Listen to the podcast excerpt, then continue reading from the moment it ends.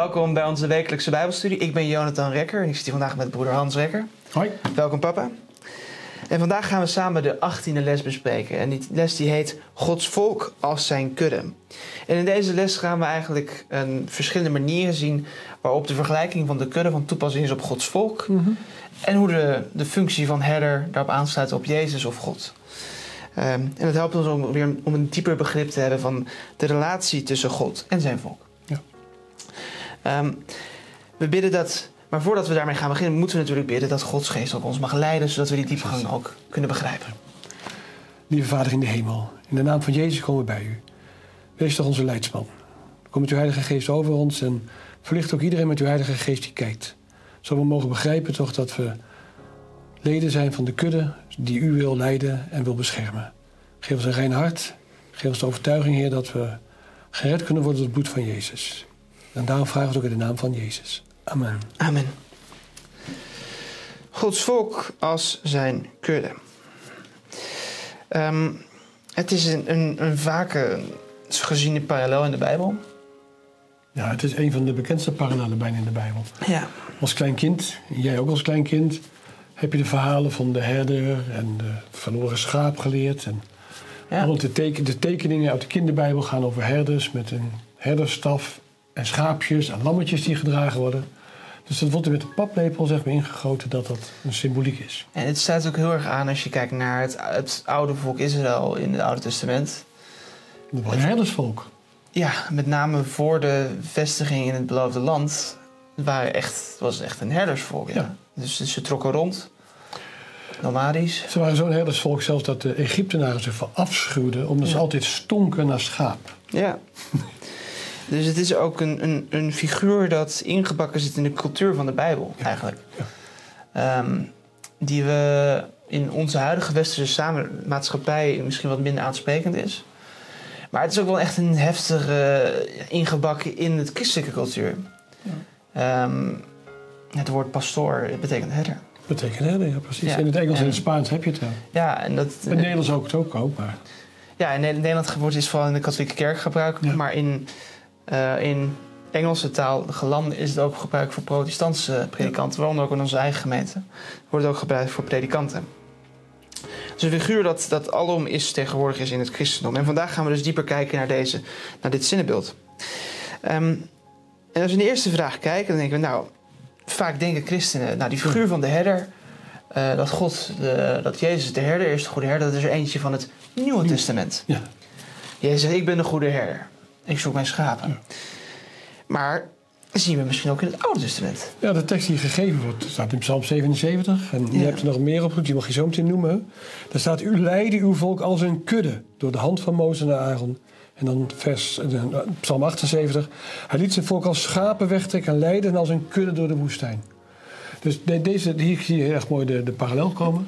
We weten dat Jezus als de wolkolom vooruit ging. En de vuurkolom s'nachts. En zo was hij de herder van zijn volk. Dus hij Ja. ging vooruit en zij volgden. Ehm, het is een heel mooie, een heel mooie vergelijking. Dus God is de herder. En er zijn ook andere teksten waarin God ook letterlijk de herder wordt genoemd. Eh, Genesis 49, vers 24. Toen Jozef zijn zonen zegende, Mhm. vlak voordat hij stierf, zegende Jozef en zei hij... Maar zijn boog bleef gespannen, zijn armen en handen bleven soepel door de handen van de machtige. Dat gaat over God van Jacob. Vandaar dat hij, de machtige God, de herder is, de rots van Israël. Precies. En er zijn er nog meer teksten. Psalm 95, vers 7 en 8. Psalm 79, vers 13. En Psalm 100, vers 3. Weet, weet dat de Heer uw God is. Hij heeft ons gemaakt en niet wij. Zijn volk en de schapen van zijn weide. Nee, het mooiste wat je zegt, het zijn allemaal teksten uit het Oude Testament. Dus Ja. het is niet iets wat pas ontdekt is door Jezus zelf. Nee, sterker nog, Jezus verwees dus Ja, even wees weer naar, naar zijn Ja. goddelijkheid. Als hij zei, ik ben de goede herder. Wie is de goede herder? God. Dus, elke, dus het is als de Joden die de Bijbel kenden, die wisten wat hij daarmee bedoelde. We moeten een beetje toch ook anders gaan denken, want wij kennen de, de, de schapen alleen maar van zeg maar, de, de Edische hei of ergens anders in Drenthe, ergens een schaapherder. hè. Eh, en dus we hebben niet echt een goed beeld hoe dat dan is. Ik ga ook wel eens kijken, en jullie ook, hebben ook wel eens gekeken als kind. Hè, dat, hoe gaat het nou met zo'n kudde? Mhm. Maar dan zie je meestal zie je ze aankomen en dan zie je zo'n zo'n keffertje rondrennen en de, en de herder slentert wat achteraan of zo. Ja. Maar de opmerking zegt heel mooi, en, en we hebben net ook geleerd over hoe God zijn volk leidde. Hij roept zijn schapen, Mhm. dus hij met zijn stem stuurt hij ze. Van joh, kom terug, hè, want ze gingen te ver weg. En dan riep hij ze blijkbaar. Hij drijft ze niet voor zich uit, maar hij gaat voor ze uit. Ja. En dat is natuurlijk een heel mooie symboliek. Dus ze volgen daadwerkelijk de leider waar ze heen moeten. En dat is ook, als je wil weten hoe, moet ik, hoe ben ik een goed leider, dan moet je kijken naar de beste leider die er ooit is geweest, en dat is Jezus. Ehm, een goed leider drijft zijn, zijn, ja, zijn schapen, in de zinnebeelden gezien, niet. Dwingt niet, staat er. hè? Nee, hij dwingt ze niet, hij roept ze, Ja. hij gaat voor ze uit, hij leidt door voorbeeld, Ja. et cetera. Ik kom er later in de les ook nog over te spreken hoe deze toepassing in de gemeente verder werkt. Ja. Ehm, een schaap. Als, eh, eigen aan een schaap is dat het nogal een. Het is nog niet echt bepaald een roofdier. Nee, kijk, in de, in de natuur heb je inderdaad roofdieren. Ja. En je hebt dieren die gejaagd worden. ja. De dieren die gejaagd worden zijn meestal of heel groot of heel snel. Ja en, of allebei. Of allebei. Ja. Dus een een antilope vind ik het mooiste voorbeeld. Hè. Die, die, zodra er een leeuw aankomt, dan zet hij zijn achterpoot en dan gaat hij, springt hij voor de leeuw uit en kan hem niet meer inhalen. Eh, dus, dus- maar een schaap, heb je wel eens een schaap zien rennen? Je lacht je, je, lacht je echt ziek als je een schaap ziet rennen. Vooral als ze dikke vacht hebben, zo tegen de zomer. Dan, Ja. Je kan hem als mens bijhouden en wij zijn niet snel met rennen. Nee. Dus eh een schaap heeft wel horens, maar als hij op je af komt rennen, doe je een stapje opzij en dan stoot hij je niet. Dus ze kunnen niet zo gek veel. En ze hebben ook geen tanden die je echt zeer kunnen doen, want ze kunnen helemaal grasgoed eten. Ze Ja. hebben geen klauwen. Ja, ze hebben wel... Ze kunnen vervelend trappen, dat wel. Als je Ja. ze niet. Maar Ja, als je niet oplet. Het zijn geen gevaarlijke dieren. Nee, het is niet het idee dat je midden in de nacht met baden van zweet bakken, een schaap viel bij aan. Ja. Ja. Het zijn dus. Het zijn dieren die dus een, een doelwit zijn. Ja, dat zeg je mooi. Ja. Ehm, Een prooi echt zijn. Ja. En dat is ook wat je, als we naar de tweede vraag gaan, dat is ook wat Jezus zegt. Ja. Hij zegt, wat zei Jezus over de gemeente, dus over zijn kudde, over zijn schapen? Hij zegt, zie, ik zend u als schapen te midden van de wolven. Ja. Nou ja, wees dan nog, en dan zegt Jezus, wees dus bedachtzaam als slangen en oprecht als duiven. Dus wees geen dom schapen. Nee. Maar ook, er zijn dus ook nou ja, een wolf die aankomt bij de kudde. De kudde wordt bang en laat weten dat de wolf er is. ja, als ze zich een beetje verenigen, dan durft de wolf, doet de wolf niet zoveel. Dan is het ook lastig voor de wolf om Ja. inderdaad een ingang te vinden. Ehm, maar ja, Jezus zegt er zijn, oh, zijn wolven.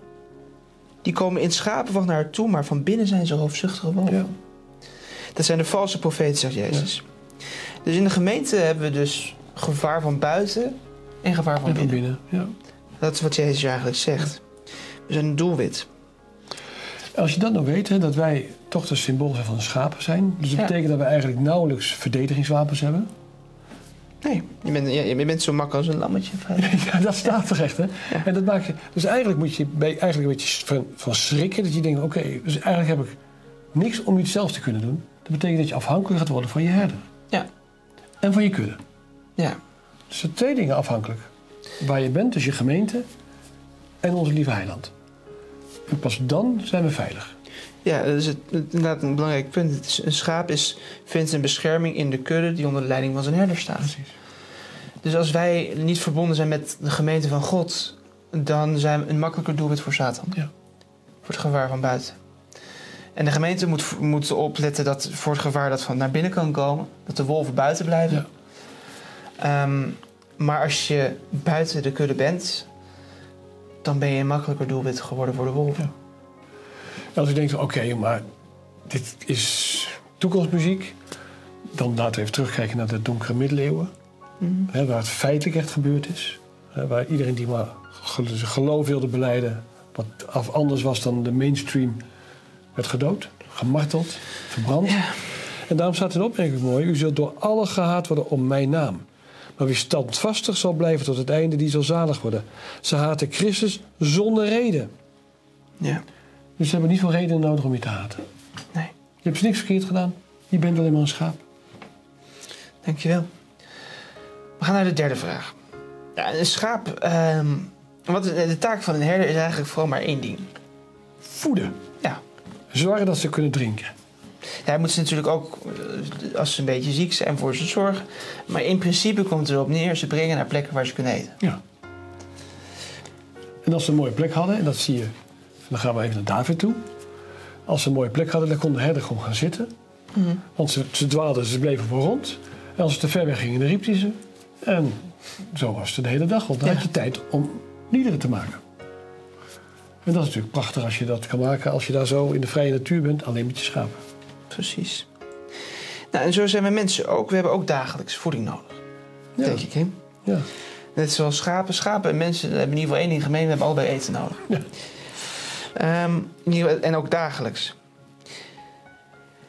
Als we dat nou zinnebeeldig zien. Welke voeding hebben wij nou dagelijks nodig van God? Nou, ik vind dat Jezus een mooi voorbeeld geeft. Die, eh, die- het gaat erom dat hij verleid wordt tot eten. En dan weigert hij dat. En dat was niet het eerste waar ik aan dacht. Van ik denk, nou, als je dan honger hebt, is het handig als je kan eten. Maar hij zegt heel duidelijk, de mens leeft niet bij brood alleen, maar bij elk woord dat uit de mond van God komt. Ja. Dus Jezus geeft heel nadrukkelijk aan dat het nog belangrijker is om je geestelijk te voeden dan je met brood of lekker eten te voeden. Ja. En die volgorde is, een, is, is, een, is goed om te onthouden. Dat betekent dus in de ochtend dat het belangrijker is om eerst de Bijbel te lezen en te bidden, dus aandacht te houden, voordat je gaat eten. Ja. En mocht je weinig tijd hebben, dan weet je in ieder geval wat je in ieder geval moet doen voordat je naar je werk gaat. Is in ieder geval zorgen dat je Gods woord gelezen hebt en gebeden hebt. In plaats van gegeten. Jezus is hier het voorbeeld echt in. En dat is het grote misverstand van heel veel mensen. Ja, maar ik moet op mijn lichaam voeden. Ja, dat klopt. Maar als je geestelijk niet gevoed wordt, ga je echt dood. Toen Jezus bij de, eh, met de Samaritaanse vrouw sprak bij de put, eh, had hij honger. Ja. En hij had ook dorst. Ja. Dus de discipelen gingen voedsel halen en toen zeiden ze tegen, toen Jezus vervolgens die vrouw had, die vrouw had herkend dat hij de Messias was, zeiden de discipelen, Rabbi eet. Dus Jezus, ik heb voeding waar jullie geen weet van hebben. Ja. Ehm, het mooie is de voeding die God ons geeft. Er is een, de meest bekende psalm, de bekendste psalm denk ik die over een herder gaat, psalm, psalm 23. Oh ja, de Heer is mijn herder. Ja. Mij ontbreekt aan niets. Hij doet mij neerliggen in grazige weiden. Hij leidt me zachtjes naar stille wateren. Hij verkwikt mijn ziel. Ehm, en dat is de voeding die God ons geeft. De, de verkwikking. Hij geeft mijn ziel nieuwe kracht. En dat doet hij door welke voeding? Door de geestelijke voeding. Ja, precies. Je ziel wordt niet gevoed door fysieke voeding. Door, Ja. eh, door brood en, en, en, andere, en ander eten. Je ziel wordt gevoed door de geestelijke voeding uit het woord van God. En dat is de voeding die God ons dan kan geven. Door de leiding van de Heilige Geest. Nee, graag lees ik dat stukje uit de opmerkingen over. Mhm. dat kan, de opmerking zegt het mooi dat ik het kan zeggen. Zoals je dagelijks in lichamelijke behoeften dient te voorzien, zo dient het woord van God dagelijks bestudeerd te worden. Gegeten, verteerd en toegepast. En dan staat erachter, verwaarlozing van het woord betekent uithongering van de ziel. Ja. En dan vind ik het heel mooi, dat is een andere parallel over in plaats van uithongeren. We dienen ons allemaal te goed te doen aan het woord van God. ja. Nou, we kennen het woord, als je je te goed ergens aan doet, dan, dan ga je ervoor zitten even. Dus er is één ding waar je gulzig mee mag zijn, blijkbaar. Ja. En dat is het, het, het, het eten uit het woord van God. Ja. Het is een soort copuleuze maaltijd mag je nemen van het woord van God. Ja. Ja, dat is mooi hè? Gaan door naar de vierde vraag. Kenmerken van schapen en herders. Nou, Ja. Als je nou aan een schaap denkt, wat denk je nou van wat voor eigenschappen? Ja, ik, zie- ik zie best veel schapen. Tijdens mijn wandelingen komen, nou je weet waar ik waar wandelen, kom ik bij in het park Lingenzeg kom ik schapen en tegen. Eh, ik praat iedere dag met ze. Nou, Maar meestal zeggen ze niks terug. ik denk het niet, nee. Paarden wel, dat is het leuke. Zelfs koeien praat ik, praten terug. Schapen, soms kijken ze me met een scheef oog aan en denken ze: heb je hem weer? Meer doen ze niet. Ze, ze komen bijna echt heel dom over. Ja, ze, ze, ze, stralen, ze hebben niet een intelligente blik. Nee. Nou, dat is één. Voor de rest, probeer maar eens een schaap te aaien. Ze hebben een aaibaar gehalte van nul. Ook lammetjes, dat willen kinderen graag. Dat lukt allemaal helemaal niet. Dus het lijkt allemaal heel aardig. Maar ze zijn, ja, wat zal ik zeggen? Eh, een beetje hulpeloos. Mhm. Ze zijn koppig, Ja, toch een keer. Maar bij de goede leider zijn ze volgzaam. precies. Ja, het, zijn eigenlijk, het zijn best wel koppige dieren, inderdaad. Ze zijn, eh, het zijn de meeste prooidieren zijn best wel koppig. Ja. naar een kat, eh, nou, pardon, een, eh, ik bedoel, als je kijkt naar een konijn. Konijn, ja, dat is een goed voorbeeld. Konijn, eh, Dat is ook een prooidier, ja. is vaak ook best wel koppig. En, en een schaap zijn ook vaak best wel koppig. Ehm, Ja. zo zijn er wel Dus, meer. dus, dus als je dat dan vertaalt als illustratie naar het volk van God, Ja, ja, is het wel herkenbaar. ja God. en dat geldt voor ons dus ook. Hè. We zijn eh, best wel koppig, eigenwijs. Ja, we- meestal, en dat is op zich ook heel goed dat je een eigen mening hebt. Hè. Dat je niet alleen maar zegt, oh, de, de, de predikant zegt, dus zal het zo zijn. Nee, we zeggen, we gaan het ook zelf even bekijken of het wel zo is. Dus dat is ook wel een goede eigenschap. Eh, maar we zijn ook hulpeloos. ja. We zijn in essentie zijn we hulpeloos. Ja. Ja. ja, we kunnen uit onszelf niks. Zonder herder zijn we ook niks. Nee. Dat is het eigenlijke. Daar komen we ook nog later in de les op terug. De eigen, maar er zijn ook eigenschappen die schapen hebben. Nou, de koppigheid is nou niet een eigenschap waar ik zou zeggen dat Jezus die heeft Nee. gehad. Juist het tegenovergestelde. Jezus Ja. was juist, als het ging om het doen van zijn vaders wil, volgzaam. Ja. En een schaap kan ook heel volgzaam zijn. Ehm, een lammetje kan volgzaam zijn als, als hij, een, als hij eh, de herder vertrouwt. Ehm, en dan volgt hij ook de hele kudde. Dus schapen kunnen heel volgzaam zijn met, als het met de hele kudde overheen gaat. Ja, en het mooie, het typerende is, gaat vooral over het lammetje dan een keer. Ja. Eh, we weten dat de Joden moesten voor het Pasen een lammetje tijd in huis hebben. eh, zodat het onderdeel werd van het gezin.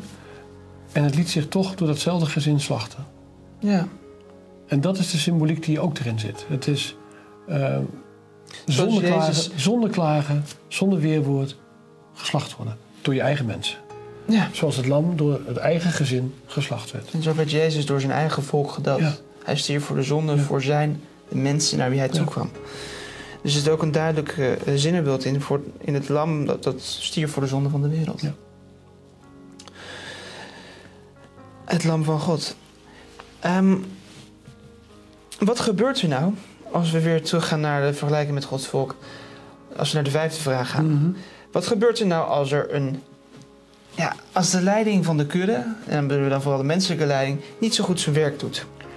Ja, als hij alleen maar op zijn mobiel zit te spelen, de herder. Ja, geef er wel als hij- voorbeeld even. In de Ja, als moderne, hij, moderne te, als hij ligt te slapen terwijl de wolven langskomen. Ja, precies, ja. Nou, weet je, dan gaat, dan gaat zo'n kudde dwalen. Ja. Want het zijn prooidieren, dus die gaan dan rennen. Gaan, die willen zichzelf in veiligheid stellen. En dan gaan ze alle kanten op. En dan verdwalen ze gewoon. Ja. Want ze weten de weg ook niet terug. Het zijn niet als katten die je overal kan neerzetten en bijna de weg terugvinden. Maar een schaap is gewoon, die verdwaalt gewoon. Ja. Ja. En dat staat er niet voor niks in Ezekiel 5. hè. Mijn schapen dwalen rond op alle bergen, op elke hoge heuvel. Psalm 119. Ik heb gedwaald als een verloren schaap. Of in Jezaja 53. We dwalen allen als schapen. ja. In Ezekiel staat ook de oorzaak van het dwalen. Waarom? Ze zijn overal verspreid zonder herder. Ja. Dus een, een kudde met een slechte of zonder herder ehm, verspreidt zich, wordt opgedeeld en dan zijn ze kwetsbaar. Dus je ziet dan de analogie zeg maar, van de kudde waar een, een goede herder is. Hè. En Jezus zegt, ik ben de goede herder ook. Ook in, in de, de aardse gemeente heeft gewoon leiding nodig. Ja, En dat is een leiding op de manier van Jezus. Hè, dat hebben we al gezegd, dat waar geen dwang in zit, die voorgaat. Hè, leading by example gaat in dat geval ook nog een keer. En als we dat niet hebben, ja, dan is het een chaos. ja. Als ons was, nou, er zijn mensen die vragen zich af: hebben we nou tegenwoordig nog wel een kerk of gemeente nodig om die te bezoeken? Eerder noemde het al dat je, als je niet in de kudde zit, ben je kwetsbaar. En in de Ja. opmerking staat het heel mooi: het schaap dat van de kudde is afgedwaald, is het meest hulpeloze van alle schepselen. De herder moet het zoeken, want het kan de weg niet terugvinden. En zo is het ook gesteld met de mens die van God is afgedwaald. Hij is even hulpeloos als het verloren schaap. En wanneer Gods liefde hem niet te hulp zou komen, zou hij nooit de weg naar God terugvinden. Daarmee heb je het antwoord gegeven. Ja, Dat is een heel mooie invulling inderdaad. Dat je zegt van, ja, ik heb de gemeente niet nodig. Daarmee maak je je uiterst kwetsbaar. Voor de, en een mooie prooi voor de duivel. ja, Dit stukje ging ook nog een deel over... ehm, eh, hoe, hoe verhoudt de intelligentie zich nou met het volgzamen zijn met schapen? Eh, geldt het nou hetzelfde ervoor? Als je nou met een hoge IQ geschapen bent... of een betere opleiding gehad hebt... of academisch gevormd bent... hoe zit dat dan? Ook daar zie je dat geloof niks te doen heeft met intelligentie. nee. Ehm, en daarom zijn schapen een goed voorbeeld. Want schapen stralen ook geen intelligentie uit. Zeg ik maar even. Het, het probleem is, volgzaamheid, eh, de koppigheid van mensen wordt niet bepaald door hoe slim ze zijn, hoe, ze- hoe slim ze zichzelf vinden. Dat is het echt. Het is, als je ook kijkt naar in onze samenleving hoe dingen gebeuren, het is niet, zeg maar, de, de opstandigheid van een mens is niet hoe slim die zelf is, maar hoe slim die zelf denkt dat hij is. Ja. Ehm, een, slim, een slim persoon kan even volgzaam zijn. Want als je echt wijs en slim bent, weet je dat je zelf niet wijs en kennis in pacht hebt. Precies. Maar je afhankelijk bent van God. Ja. Als je jezelf vergelijkt met God, met God Almachtig, dan hoef je alleen maar te kijken naar de natuur, hoe die gemaakt is. Ja, Dan besef je dat je helemaal niks bent. precies. En dan besef, je dus dat je een schaap bent dat een herder nodig Ja. heeft. We, zijn dus, we hebben de neiging om af te dwalen. Ja, ja, ja. Net Als als mensen. We zijn al vanaf ons begin zijn we. De Ah. mens na de zondeval was het verloren schaap in het heelal. Ja. Als we naar de zesde vraag gaan. En wat doet de Heer geneigd als mensen zijn toe te geven aan het grote gevaar om af te dwalen? En wat is een voortdurende liefdevolle oproep aan de leden van zijn kudde? Ik vind dat zo mooi. Het zijn niet de mensen die naar God komen, het is God die naar de mensen komt. God neemt het initiatief. Ja. God heeft met de zoon samen in een raad des vredes voor de schepping al bepaald wat er zou moeten gebeuren als wij zouden gaan dwalen. Het verlossingsplan is er gemaakt van de grondvesten der wereld af. En dat maakt me, dat, dat maakt me ja, daar word ik ontroerd van. Ja. Dat is een liefde, eh, dat is een vooruitziendheid die, eh, die boven alle begrip gaat, bij mij in ieder geval. Ik kan het niet bevatten, maar het is wel heel troostvol. Dus als ik, als ik afdwaal, weet ik dat God me gaat zoeken. Dat wil niet zeggen dat ik bewust moet zeggen, nou, je komt- hij komt me toch wel zoeken. Hè? Nee. Nee, daar gaat het niet om. Maar het gaat om dat het wel een heel geruststellende gedachte is. Wij in de gelijkenis van het verloren schaap, Ja. dat is de mensheid. Ja. De mensheid is het ene schaap van de honderd dat verloren is gegaan. Ja. En voor dat ene schaap heeft Jezus zijn, zijn positie in de hemel op het spel gezet om ons te vinden. Die andere 99 schapen die had hij en daar was hij, die bleven er ook. Die bleef ook. Ja. Maar hij, hij ging naar ons toe om ons te vinden. Ja. Ehm, En dan wil ik het graag een stukje lezen uit Jeremia 7, vers 23. De oproep Ja. die hij dan ons doet ook. Hè? Want deze zaak heb ik, heb ik, zegt God, hun geboden. mhm. Dus het afvallige volk.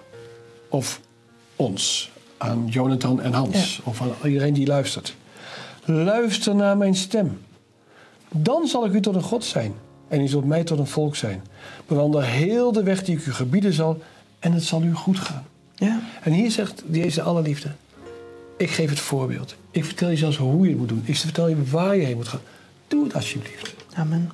En we weten wat, wat is nou een van de dingen die God tot ons roept, is hou mijn geboden. Dus als je gewoon aan het stramien van de geboden houdt, dan zijn we op de goede weg al. Het mooie is dat God ook zegt. ehm, het, het eerste wat God vraagt is niet zozeer. Hij zegt natuurlijk hou mijn geboden. Maar in dit geval zegt hij niet. Luister naar mijn geboden of luister naar mijn inzetting of luister naar de woorden die ik. Maar luister naar mijn stem. Hoor. Zoals een herder spreekt tot luister. En dat Gods stem dat in ons hart spreekt, dat is de Heilige Geest. Ja, ja. En dus ook wij, als we denken, waar hoor ik Gods stem nog in mijn leven? Het is de Heilige Geest die spreekt tot je hart, Ja. tot je geweten. Dat is de stem van de herder die we nog steeds kunnen horen. Ehm, in, de, in de opmerking staat een hele mooie belofte. De mensen mogen de aanspraken van deze liefde verwerpen, de liefde van de herder van zijn Ja. schapen. Ze mogen van hem afdwalen en een andere meester kiezen. Toch behoren ze God toe. En hij verlangt er naar hen terug te winnen. Iedereen is van God. Ge- gemaakt als schepsel en als geredde ziel. Ja. En God zoekt ze allemaal. Hij wil ze allemaal terugvinden. Ja. Maar het schaap dat maar verder wegloopt van de herder en niet gevangen wil worden, dat kan de herder ook niet terugbrengen. De grote opperherder is Jezus. Absoluut. Maar in de vijfde vraag hebben we gezien dat er ook herders zijn die hun werk minder goed kunnen doen. Maar ook hun werk dan ook goed kunnen doen. Door het voorbeeld van de opherder te volgen. En wie zijn nou die herders die Jezus heeft benoemd om over zijn kudde te waken? God heeft altijd structuur aangebracht. Ja. Dat liet hij bij Mozes zien, hè, door, met hulp van het advies van Jethro. En later ook in de ordening voor eh, hoe we God kunnen volgen. En Jezus zegt het zelf. Arbeiders moeten komen, zegt hij. Arbeiders, want die arbeiders zijn nodig om de oogst binnen te halen. Ja. En in eerste instantie brengt, brengt hij arbeiders, dus werkers, die Ja. de schapen ophalen. En dat staat aan bij de context, want Jezus zag een menigte die geen herders hadden. Precies. Dus er moeten mensen uitgaan om die mensen op te halen, die weggedwaald zijn. Allemaal herders, hè? onder de grote opherder. De onderherders. Dus de onderherders, ja, dat is, dat is een mooi woord. En als we naar nummer kijken, dan zien we heel mooi dat het volk daadwerkelijk een leider benoemd krijgt. Mhm. We hadden Mozes als eerste als leider en nu wordt Jozua door God benoemd en aangewezen. En waarom? Omdat God zegt: Ik wil niet dat ze zijn als schapen die geen herder Dat hebben. is mooi, hè? Ja. En nu komt het dicht bij de geestelijke kant weer. Dan komen we in Petrus heeft het over ouderlingen. En dan kunnen we het over predikanten hebben die de geestelijke leiding echt hebben. Mhm. En want in die context zien we, hij roept de ouderling onder roep ik er toe als een mede-ouderling. Hij noemt Mhm. zichzelf ook een ouderling. En Ja. getuige van het lijden van Christus. Hoed de kudde van God die bij u is. En houd daar toezicht op. Dus wees herders. En vervolgens in vers 4 verwijst er ook, want wanneer de opperherder zal verschijnen. En juist Petrus was natuurlijk mooi. Dit heeft Jezus hem opgedragen. Dit en is dat wat meer- Jezus meer van. Gethsemane. Hebt u mij Hoed mijn schapen. Ja, hoed mijn schapen. Ja. Bijt mijn, Wijd mijn kudde. ja. Het is de opdracht die Jezus ook aan Petrus gaf. Ja. Hoe, hoe zorgt nou zo'n onderherder, dus dat zijn de leiders in de gemeente, zoals Jozua. Het zijn de arbeiders zoals we bijbelarbeiders hebben. Het zijn de ouderlingen. Het zijn de predikanten. Dus iedereen die op een bepaalde manier een vorm van leiding heeft binnen de gemeente. Leiding is dus ook belangrijk in de gemeente. Het is geen anarchie, dat mag het niet zijn. Leiding en structuur is nodig. Maar hoe zorgt zo'n onderherder er nou voor dat hij zijn leiderschap goed uitoefent? In de opmerking zegt het mooi. Hij doet het met dezelfde liefde zoals Jezus zijn schapen heeft geleid. Amen. Dus als dat niet met liefde gebeurt, maar op basis van macht, dan zit er geen gezag in. Nee. Want gezag is namelijk niet iets wat je afdwingt, maar krijgt. Gezag heb je omdat het je gegeven is en dat je het krijgt. En een dictator heeft geen gezag, maar misbruikt macht. Jezus heeft nog nooit iemand gedwongen om hem te gehoorzamen. Nee. Nee. Ik, hij, hij, hij vroeg mensen altijd, geloof je? Ja. Geloof je? En ze, ze geloofden in hem en dan, eh, dan ging het werken. Hij leidde ook door zijn voorbeeld. Ja. Ehm, een goede leider die is niet het haantje de voorste, maar die wacht tot, tot zijn schapen zijn, zijn voldaan, Ja. rustig zijn en dan pas heeft hij zelf rust. Ja. Dus er zit een zelfopofferend vermogen in de herder.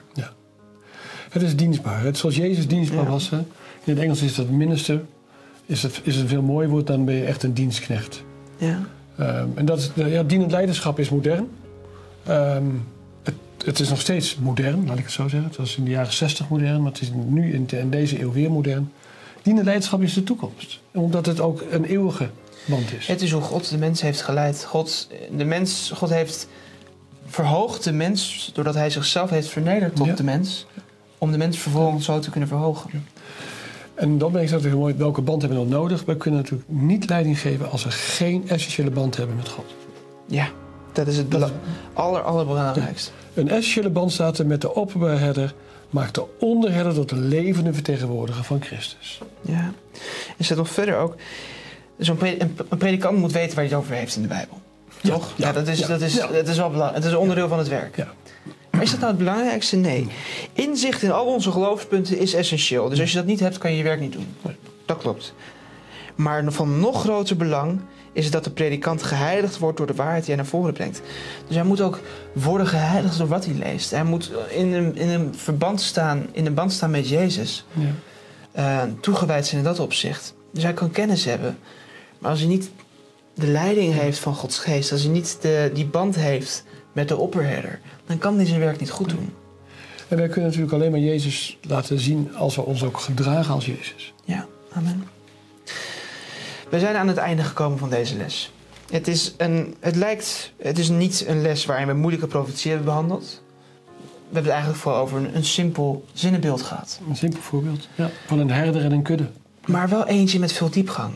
Want het laat ons namelijk de interactie zien tussen God en zijn volk. Hoeveel liefde, zoals, zoals heel, met veel liefde de herder op zoek gaat naar zijn schapen. Zoals hij die met liefde eh, en genegenheid leidt door zijn stem. Zo leidt God ook zijn volk. En zo moeten wij als onderherders, degene die leiders eh, zijn in de gemeente... ehm, of u nou sabbatschoolleider bent, of u nou gemeenteleider bent... of dat u nou de leider van de generale conferentie bent... Allemaal moeten we dat voorbeeld volgen. Ehm, in ons huisgezin, in de gemeente en overal. En mijn wens en gebed is dat God ons mag helpen om dit zinnenbeeld nog beter te begrijpen. En dat we voor Hem een volgzame kudde mogen zijn, die naar Zijn stem luisteren.